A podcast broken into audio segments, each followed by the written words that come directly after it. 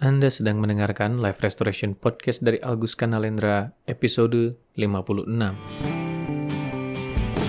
Selamat datang di Life Restoration Podcast, inspirasi restorasi kehidupan dan transformasi diri untuk membantu mendesain kehidupan terbaik yang layak Anda dapatkan sesuai jati diri otentik Anda. Life Restoration Podcast menghadirkan berbagai inspirasi restorasi kehidupan dan transformasi diri yang juga diadaptasi dari kisah nyata para individu yang menjalani program terapi, konseling, dan life restoration coaching bersama Coach Algus Kanalendra. Halo para sahabat sekalian di mana pun Anda berada. Kembali berjumpa di Live Restoration Podcast bersama saya, seperti biasa tentunya, Agus Kanalendra. Tidak lupa, doa terbaik untuk Anda sekalian semoga selalu dalam keadaan sehat, berkah berlimpah, dan damai berbahagia selalu di mana pun Anda berada bersama mereka yang Anda kasihi. Membuka bahasan di episode kali ini, saya juga ingin menghaturkan terima kasih dan apresiasi yang sebesar-besarnya pada Anda sekalian yang telah dengan setia menemani perjalanan channel-channel media sosial tempat saya berbagi menjadikannya memiliki warna tersendiri. Baik itu di Spotify channel saya, Live Restoration Podcast, dan juga YouTube channel saya, Alguska Nalendra. Saya senang sekali mendapati interaksi yang terjalin di dalam setiap channel itu begitu bermakna, terutama di YouTube channel, di mana para penyimak channel YouTube saya bisa ikut berinteraksi di kolom komentar yang ada di setiap video di mana interaksi itu sendiri menjadi satu pembelajaran tersendiri bagi saya. Ada yang bertanya, ada yang memberikan masukan, ada yang mengajukan topik atau konten tertentu untuk saya bahas, bahkan ada yang meminta jadwal konsultasi. ya, macam-macam lah isi dari interaksi yang ada di situ. Tapi yang jelas, saya bersyukur dan berterima kasih sekali karena dari interaksi itu juga saya terus mendapatkan inspirasi. Yang kemudian saya tuangkan ke dalam konten-konten berikutnya. Jadi benar-benar hiduplah istilahnya. Terima kasih juga pada Anda yang senantiasa menyambut berbagai program baru yang saya luncurkan seperti akhir-akhir ini, ketika saya mulai meluncurkan serial live streaming, di mana saya hadir dan menyapa para audiens lebih dekat di setiap Senin malam. Ada saja para follower setia yang selalu siap hadir dan membersamai saya di sesi itu. Menjadikan sesi interaksi itu hangat dan bermakna. Karena kan beda ya interaksi yang terjalin antara live streaming dan konten biasa. Kalau di konten biasa, interaksinya terjadi ketika kontennya sudah diunggah dan pastinya ada jarak antara pesan dari audiens dengan respon saya. Nah, kalau di live streaming itu real time, jadi audiens berinteraksi dengan saya secara langsung. Dan isi dari pesan-pesan audiens pun bisa langsung saya respon di sesi itu juga. Oke, baiklah. Memasuki episode ke-56 kali ini. Seperti biasa tentunya, sudah ada satu tema yang akan diangkat sebagai topik bahasan di episode kali ini di mana tema bahasan kali ini akan mengangkat tema yang cukup berbeda dari biasanya karena ia menyoroti satu hal yang mungkin kita tidak sukai, yaitu konflik. Yes, bukan tanpa sebab saya mengangkat tema ini kali ini. Di satu sisi, fenomena ini menjadi satu hal yang sering mewarnai tema dari sesi coaching, konseling, atau terapi yang saya fasilitasi pada para klien. Di sisi lain, melalui tema bahasan ini, saya ingin mengajak Anda untuk membahas satu tema yang sebenarnya agak bersifat spiritual. Ya, jarang-jarang kan saya menyoroti tema yang agak bersifat spiritual. Sekali-sekali boleh lah ya.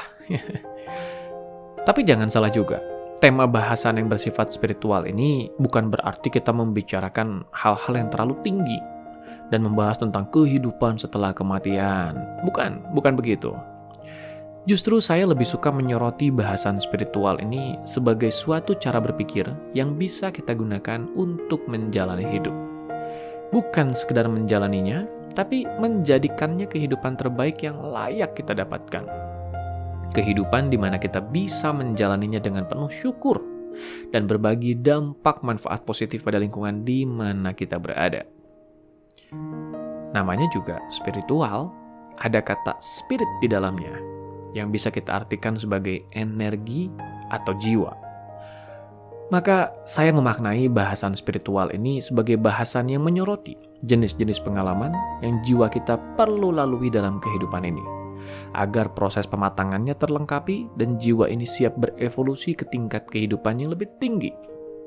Salah satunya yaitu yang akan kita ulas di episode kali ini, yaitu pengalaman jiwa dalam melalui konflik. Siap untuk membahasnya kan ya? Kalau begitu, mari kita mulai saja. Sebagai manusia, kita tentu tidak menyukai yang namanya konflik. Betul? Ya, ada juga sih beberapa orang yang menyukai konflik. Hobinya cari ribut melulu. Tapi bukan begitu juga kok. Mereka yang konon sering cari ribut ini pun sebenarnya bisa jadi tidak suka dengan keributan dan konflik yang dihasilkannya. Hanya saja mereka sulit mengendalikan diri atau terjebak di suasana yang dilematis, sehingga konflik pun tidak terelakkan karenanya. Tapi kalau ditanya apakah mereka suka dengan konflik, ya bisa jadi jawabannya adalah tidak. Secara mendasar saja deh. Anda sendiri kalau ditanya apakah menyukai konflik, sangat mungkin jawabannya adalah tidak. Tapi ya namanya juga menjalani kehidupan. Yang namanya konflik atau potensi konflik ini selalu ada kan? Kenapa bisa begitu? Sederhana, karena konflik adalah bagian dari fitrahnya kehidupan atau bagian dari naluri alami makhluk hidup, terutama kita sebagai manusia. Bahkan peradaban di mana kita hidup saat ini pun berkembang karena adanya konflik. Kok bisa? Tenang dulu, ini akan kita bahas pelan-pelan. Tapi ya paling tidak kita perlu pahami dulu yang dimaksud konflik ini apa dan kenapa ia bisa menjadi sebuah naluri alami bagi kita sebagai manusia. Tergantung dari cara kita memandangnya, arti dari konflik ini bisa beragam pastinya. Saya sendiri memaknainya sebagai perbedaan kepentingan, di mana ada satu kepentingan yang berlawanan dengan satu atau lebih kepentingan lainnya. Ya, itu saja arti sederhana dari konflik bagi saya. Tidak terlalu menyeramkan, kan? Memang tidak. Apakah itu sesuatu yang wajar yang kita sering alami? Tentu saja, kan? Dan memang demikian adanya. Dimulai dari dalam diri saja dulu, atau internal. Bukan tidak mungkin terjadi konflik internal kan? Konflik antara satu sisi pemikiran dengan pertimbangan sendiri, dengan satu sisi pemikiran lain yang punya pertimbangan lainnya. Seperti beli atau tidak, sekarang atau nanti, lakukan atau jangan, dan banyak lagi lah contoh lainnya. Intinya, ada satu pertimbangan dalam diri kita yang mewakili satu kepentingan yang berkonflik dengan pertimbangan lainnya yang mewakili kepentingan lain dalam diri kita. Biasanya konflik internal ini terjadi antara sisi logis dan sisi emosional dalam diri kita. Sisi emosional kita punya satu dorongan dan sisi logis kita juga punya satu pertimbangan. Dalam kehidupan sehari-hari luar diri kita atau eksternal juga demikian kan ketika kita menjalani kehidupan pun begitu. Tidak semua perilaku orang di sekitar kita setujui kan. Ada perilaku atau nilai-nilai tertentu yang tidak kita setujui pastinya. Itu juga merupakan bagian dari konflik antara kepentingan kita dengan kepentingan orang lain. Bedanya konflik ini nantinya ada yang terekspresikan, baik itu menjadi perbedaan pendapat secara terbuka, atau bahkan keributan ada juga yang tidak terekspresikan karena hanya dipendam dalam hati. Kalau kita tinjau lebih mendalam, sebenarnya konflik sebagai perbedaan kepentingan ini juga yang menjadikan peradaban ini berkembang, yang dimulai dari diri kita sendiri. Maksudnya bagaimana? Begini, kalau kita melihat ke diri kita sendiri saja dulu, dari waktu ke waktu selalu ada pemikiran baru yang muncul untuk meningkatkan kualitas hidup kita kan? Kita ingin berkembang, dan menjalani hidup yang lebih baik dari waktu ke waktu. Oleh karena itu, muncullah berbagai keinginan dalam hidup kita. Ketika keinginan ini muncul, bisa jadi ada sebuah pengorbanan yang harus kita lakukan. Di sinilah konflik bisa muncul, yang kemudian memunculkan kesadaran baru, kreativitas, dan perubahan. Misalnya saja ya, seiring karir berkembang, mulai muncul pemikiran ingin bisa menikmati hidup yang lebih berkualitas muncullah pemikiran ingin mencari tempat tinggal baru yang lebih nyaman. Ketika muncul pemikiran ini, kita sadar bahwa ada pengorbanan yang harus kita lakukan, kan? yaitu mengeluarkan uang ekstra agar kenyamanan baru ini bisa kita dapatkan. Di sini juga bisa jadi muncul pertimbangan lain. Jangan dulu, lebih baik uangnya dipakai untuk keperluan lain. Atau disimpan saja dulu, siapa tahu nanti ada apa-apa. Nah, di sini mulai muncul perbedaan kepentingan kan? Antara kepentingan baru dalam diri kita ingin meningkatkan kualitas hidup dengan kepentingan lama yang tidak siap dengan perubahan dan pengorbanan yang harus dilakukan untuk memperolehnya. Kalau sudah begini, bagaimana? Di sinilah muncul konflik dalam diri. Ingin mencapai hal baru dengan mengorbankan kenyamanan lama, atau mempertahankan hal lama tapi harus mengorbankan kepentingan baru. Apa pun itu, dari sini muncullah sebuah kesadaran baru, kesadaran untuk siap menempuh konsekuensi perubahan demi mencapai pembaharuan atau kesadaran untuk siap mengorbankan keinginan dan menerima yang dijalani apa adanya. Dari kesadaran ini muncullah perubahan cara pandang dalam memandang kehidupan. Terjadilah pematangan jiwa. Inilah yang saya sebut evolusi diri atau evolusi jiwa. Begitu juga dalam konflik atau perbedaan kepentingan antara kita dengan pihak di luar diri kita Hal ini saja sudah menggambarkan ada dua atau lebih cara pandang yang berbeda dalam menyikapi sebuah fenomena. Satu pihak punya pemikirannya sendiri, dan satu pihak lainnya punya pemikirannya sendiri. Di sini kita tidak berbicara benar atau salah, kita berbicara tentang bagaimana apa yang dilihat oleh satu pihak belum tentu dilihat oleh pihak lainnya. Dan yang tidak dilihat oleh satu pihak bisa jadi justru dilihat oleh pihak lainnya. Bisa jadi konflik atau perbedaan kepentingan atau perbedaan cara pandang ini hanya dipendam dalam hati. Bisa juga perbedaan cara pandang ini kemudian diekspresikan. Ketika perbedaan cara pandang ini diekspresikan oleh satu pihak, maka muncullah ekspresi lain dari pihak lainnya. Di sini terjadi ekspresi dari masing-masing pihak kan? Ekspresi ini memungkinkan pihak-pihak yang berkonflik ini untuk bisa melihat yang sebelumnya tidak dilihatnya atau tidak disadarinya. Dari sini muncullah peluang untuk lahirnya kesadaran baru antar keduanya, yang bisa lebih menjembatani kesepahaman antara kedua belah pihak. Bisa jadi juga muncullah inovasi baru.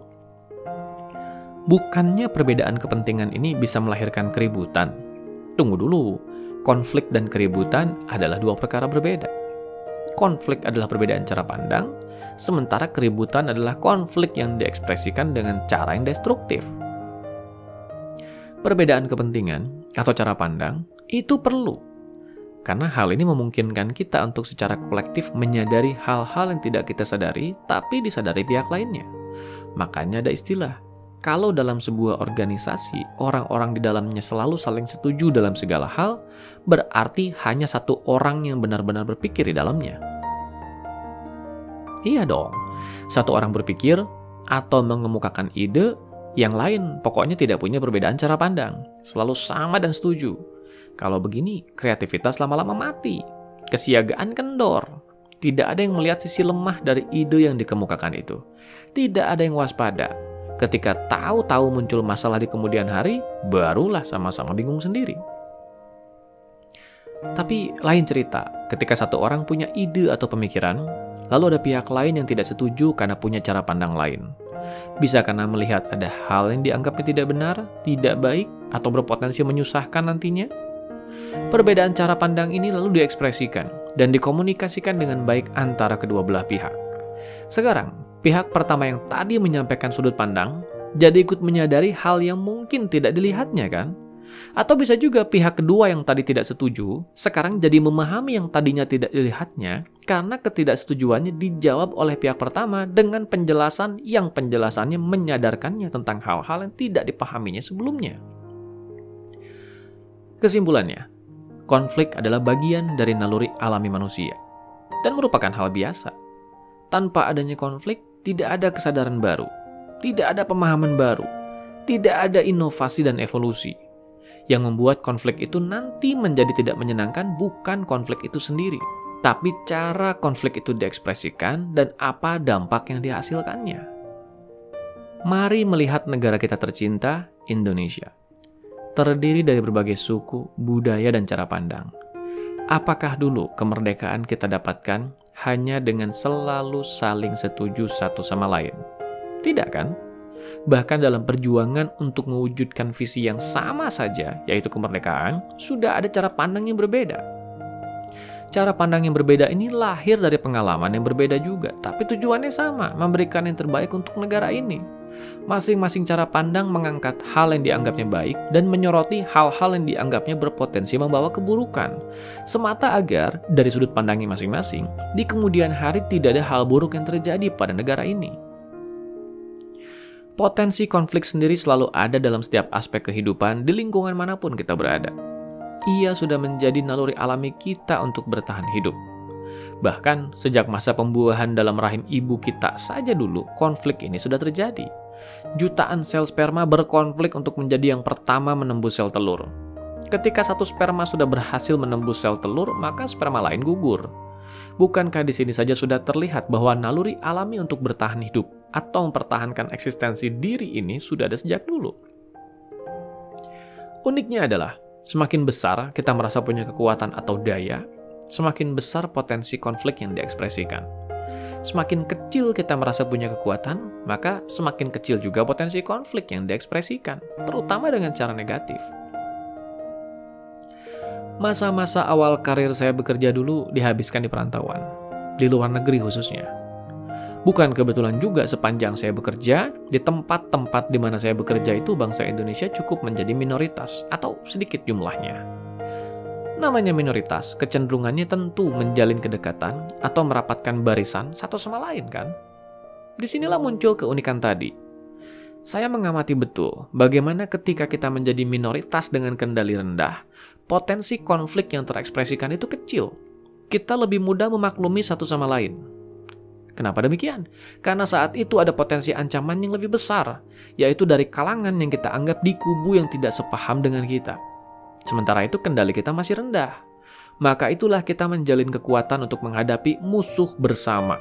Potensi konflik kita arahkan ke kubu lain di luar kubu kita. Tapi lain cerita, ketika yang semula minoritas ini mulai membesar, mulai lebih punya kendali, mulai lebih punya ego, konflik yang terekspresikan dengan cara negatif justru muncul di dalam kubu ini sendiri. Konfliknya pindah dari luar diri ke dalam diri. Sama-sama tetap ada konflik, bedanya subjek dan objek konfliknya beda. Dari sana mulailah muncul geng-gengan, mulailah muncul perpecahan. Iya, itu pengalaman saya sih. Saya tidak tahu dengan Anda, tapi saya pribadi mendapati hal itu terjadi di mana-mana. Ketika kita sedang menjadi kelompok dengan kendali rendah, maka ekspresi konflik negatif menjadi rendah juga. Ketika kita sedang menjadi kelompok dengan kendali tinggi, maka ekspresi konflik negatif menjadi tinggi juga. Seperti saya katakan tadi, konflik menjadi naluri alami manusia. Cuma perkara objeknya saja sekarang. Lihat bangsa kita deh. Kalau lagi ada musuh bersama atau ancaman dari luar yang dianggap menghina atau merendahkan, baru kita merapatkan barisan. Sama-sama menghadapi ancaman dari luar itu. Tapi kalau sudah tidak ada ancaman dari luar, mulai deh sibuk ribut sendiri satu sama lain. Betul tidak? Episode podcast ini juga sengaja saya tujukan sebagai pengingat untuk kita semua dalam konteks kebangsaan. Yuk sadar, kita ini bangsa yang kuat dengan sumber daya alam yang melimpah. Kita ini bangsa yang kalau diserang dari luar secara terbuka, maka akan sia-sia akan terlalu banyak kerusakan dari pihak penyerang yang mereka juga mungkin akan enggan menanggungnya. Maka daripada harus menanggung konsekuensi itu, mereka tahu betul naluri alami manusia ini dibikin konflik lah kita satu sama lain. Agar kita ribut sendiri satu sama lain, lalu mereka bisa masuk lewat jalan belakang untuk menguras sumber daya alam bangsa ini. Jadi yuk kita sadar, mari kita lebih eling dan waspada Salah satunya yaitu dengan mampu menyikapi konflik ini dengan lebih bijak. Nah, mari kita bahas bagaimana cara menyikapi konflik ini dengan lebih bijak. Saya sendiri merangkum cara menyikapi konflik dengan bijak ini dalam lima langkah. Pertama, sadari bahwa konflik adalah hal alami. Menghindari konflik berarti menghindari pertumbuhan. Sudah saya bahas tadi ya, arti konflik menurut saya adalah perbedaan kepentingan atau cara pandang konflik menjadi naluri alami manusia sebagai makhluk hidup untuk bisa menjadikan kualitas hidupnya lebih baik dari waktu ke waktu. Dari konflik muncullah kesadaran, pemahaman, dan perubahan. Ada kreativitas dan evolusi yang lahir dari konflik. Maka itu menghindari konflik sama saja dengan menghindari pertumbuhan. Kedua, sadari bahwa yang menjadikan konflik berdampak negatif adalah ekspresi yang negatif dari pihak-pihak yang berkonflik itu sendiri. Sudah jelas ya, konflik hanya perbedaan cara pandang. Itu hal yang manusiawi. Yang menjadikan perbedaan cara pandang itu bermasalah adalah ketika cara pandang itu diekspresikan dengan cara yang negatif, ditumpangi emosi negatif, dan adanya ego keserakahan yang membuat konflik itu ditujukan untuk mematikan pihak yang berkonflik dengan kita, agar kita jadi satu-satunya pihak yang memegang kendali dan bisa memuaskan nafsu kepentingan kita. Ketiga, fokus pada maksud positif dan pemahaman. Maksudnya bagaimana? Sederhana juga. Namanya orang berkonflik kan berarti ada perbedaan cara pandang. Nah, di balik perbedaan cara pandang ini berarti ada perbedaan pemahaman kan? Sadari bahwa tidak setuju beda dengan tidak suka. Adanya pihak yang berkonflik dengan kita itu bukan berarti mereka tidak menyukai kita. Mereka hanya tidak setuju dengan yang kita yakini. Mengenai ketidaksukaan, itu lain soal. Itu sudah berhubungan dengan pengalaman subjektif pribadi yang melibatkan ego dan emosi. Karena mereka punya cara pandang sendiri, bukankah lebih baik cara pandang itu kita pahami? Harapannya, dengan memahami cara pandang itu, kita jadi lebih bisa melengkapi cara pandang kita dan mengantisipasi hal-hal yang tadinya tidak kita antisipasi. Cara pandang mereka yang berbeda itu pastilah didasari oleh maksud positif untuk mempertahankan eksistensi dan kepentingan. Yang berarti ada kepedulian di sana. Yang berarti juga ada rasa takut di sana. Takut mengalami hal-hal yang bisa mengancam keberlangsungan eksistensi tadi. Maka daripada mengutuki mereka sebagai pribadi negatif, justru belajarlah untuk bisa memahami maksud positif mereka untuk bisa menjaga keberlangsungan dirinya. Bagaimana dengan adanya ego dan berbagai hal lain yang membuat kepentingan mereka sebenarnya didasari nafsu? Itu lain soal. Yang menjadikan kepentingan mereka negatif adalah ego dan nafsunya. Sadari juga bahwa semakin besar ego dan nafsu seseorang, maka itu tanda semakin kering jiwanya. Ego dan nafsu itu menjadi cara untuk orang-orang itu memenuhi kehampaan dalam dirinya. Kasihan kan? Ketika memahami maksud positif itu, maka kita akan lebih bisa memandang mereka secara sehat dan punya modal untuk nantinya belajar mengekspresikan konflik secara sehat. Yang juga menjadi langkah keempat, yaitu pelajari cara mengekspresikan konflik yang sehat. Yes, yang satu ini perlu dipelajari. Hal ini akan mengajak kita untuk mempelajari seni-seni berkomunikasi, agar kita terhindar dari potensi konflik negatif yang berujung keributan dan kehancuran pada sesama. Konflik yang diekspresikan adalah cara menegaskan kepentingan. Selama hal ini dikomunikasikan dengan baik, maka kita akan jadi lebih memahami satu sama lain dan berusaha mengakomodir kepentingan satu sama lain. Yang menjadikan konflik ini berujung kehancuran adalah cara ekspresi yang salah dan adanya ego dan nafsu tadi. Maka itulah, mempelajari seni-seni berkomunikasi untuk mengekspresikan konflik ini menjadi penting yaitu dengan menyadari bahwa esensi dari komunikasi yang mengekspresikan konflik ada pada tujuan untuk menjalin kesepahaman, bukan menegaskan ego dan nafsu. Maka itulah sebelum mempelajari hal ini, yang pertama perlu kita pahami adalah cara memandang konflik secara positif dan cara memandang pihak yang berkonflik dengan kita secara positif. Kelima, pelajari cara mencegah ekspresi konflik yang tidak sehat. Yang satu ini agak berhubungan dengan kecakapan kita untuk mencermati elemen-elemen yang membentuk konflik. Mulai dari kepentingan yang diperjuangkan di dalamnya, kondisi orang-orang yang terlibat di dalamnya, dan juga kecenderungan orang-orang yang terlibat itu untuk mengekspresikan konfliknya. Semakin kita memahami kejelasan dari elemen-elemen yang membentuk sebuah konflik, lebih mudah bagi kita untuk nantinya melakukan tindakan pencegahan agar ekspresi konflik yang terjadi tidak berujung pada ekspresi yang negatif dan malah menghancurkan satu sama lain. Jadi, sekali lagi, konflik bukan hal negatif. Cara konflik itu diekspresikanlah yang menentukan apakah ia menjadi hal positif atau negatif. Masalahnya bukan terletak pada konfliknya, tapi pada ekspresinya. Setuju? Nah, seperti itu kiranya bahasan kita di episode kali ini. Semoga cukup memberikan inspirasi tersendiri di tengah suasana yang kita jalani saat ini. Akhir kata, sampai jumpa di episode berikutnya. Dapatkan lebih banyak inspirasi restorasi kehidupan dan transformasi diri dengan ikuti Instagram @alkuska dan YouTube channel Alkuska Nalendra. Kunjungi juga website www.alkuska.com untuk temukan lebih banyak informasi menarik lainnya, termasuk untuk memesan layanan profesional bersama Coach Alkuska Nalendra untuk membantu mendesain kehidupan terbaik yang layak Anda dapatkan sesuai jati diri otentik Anda.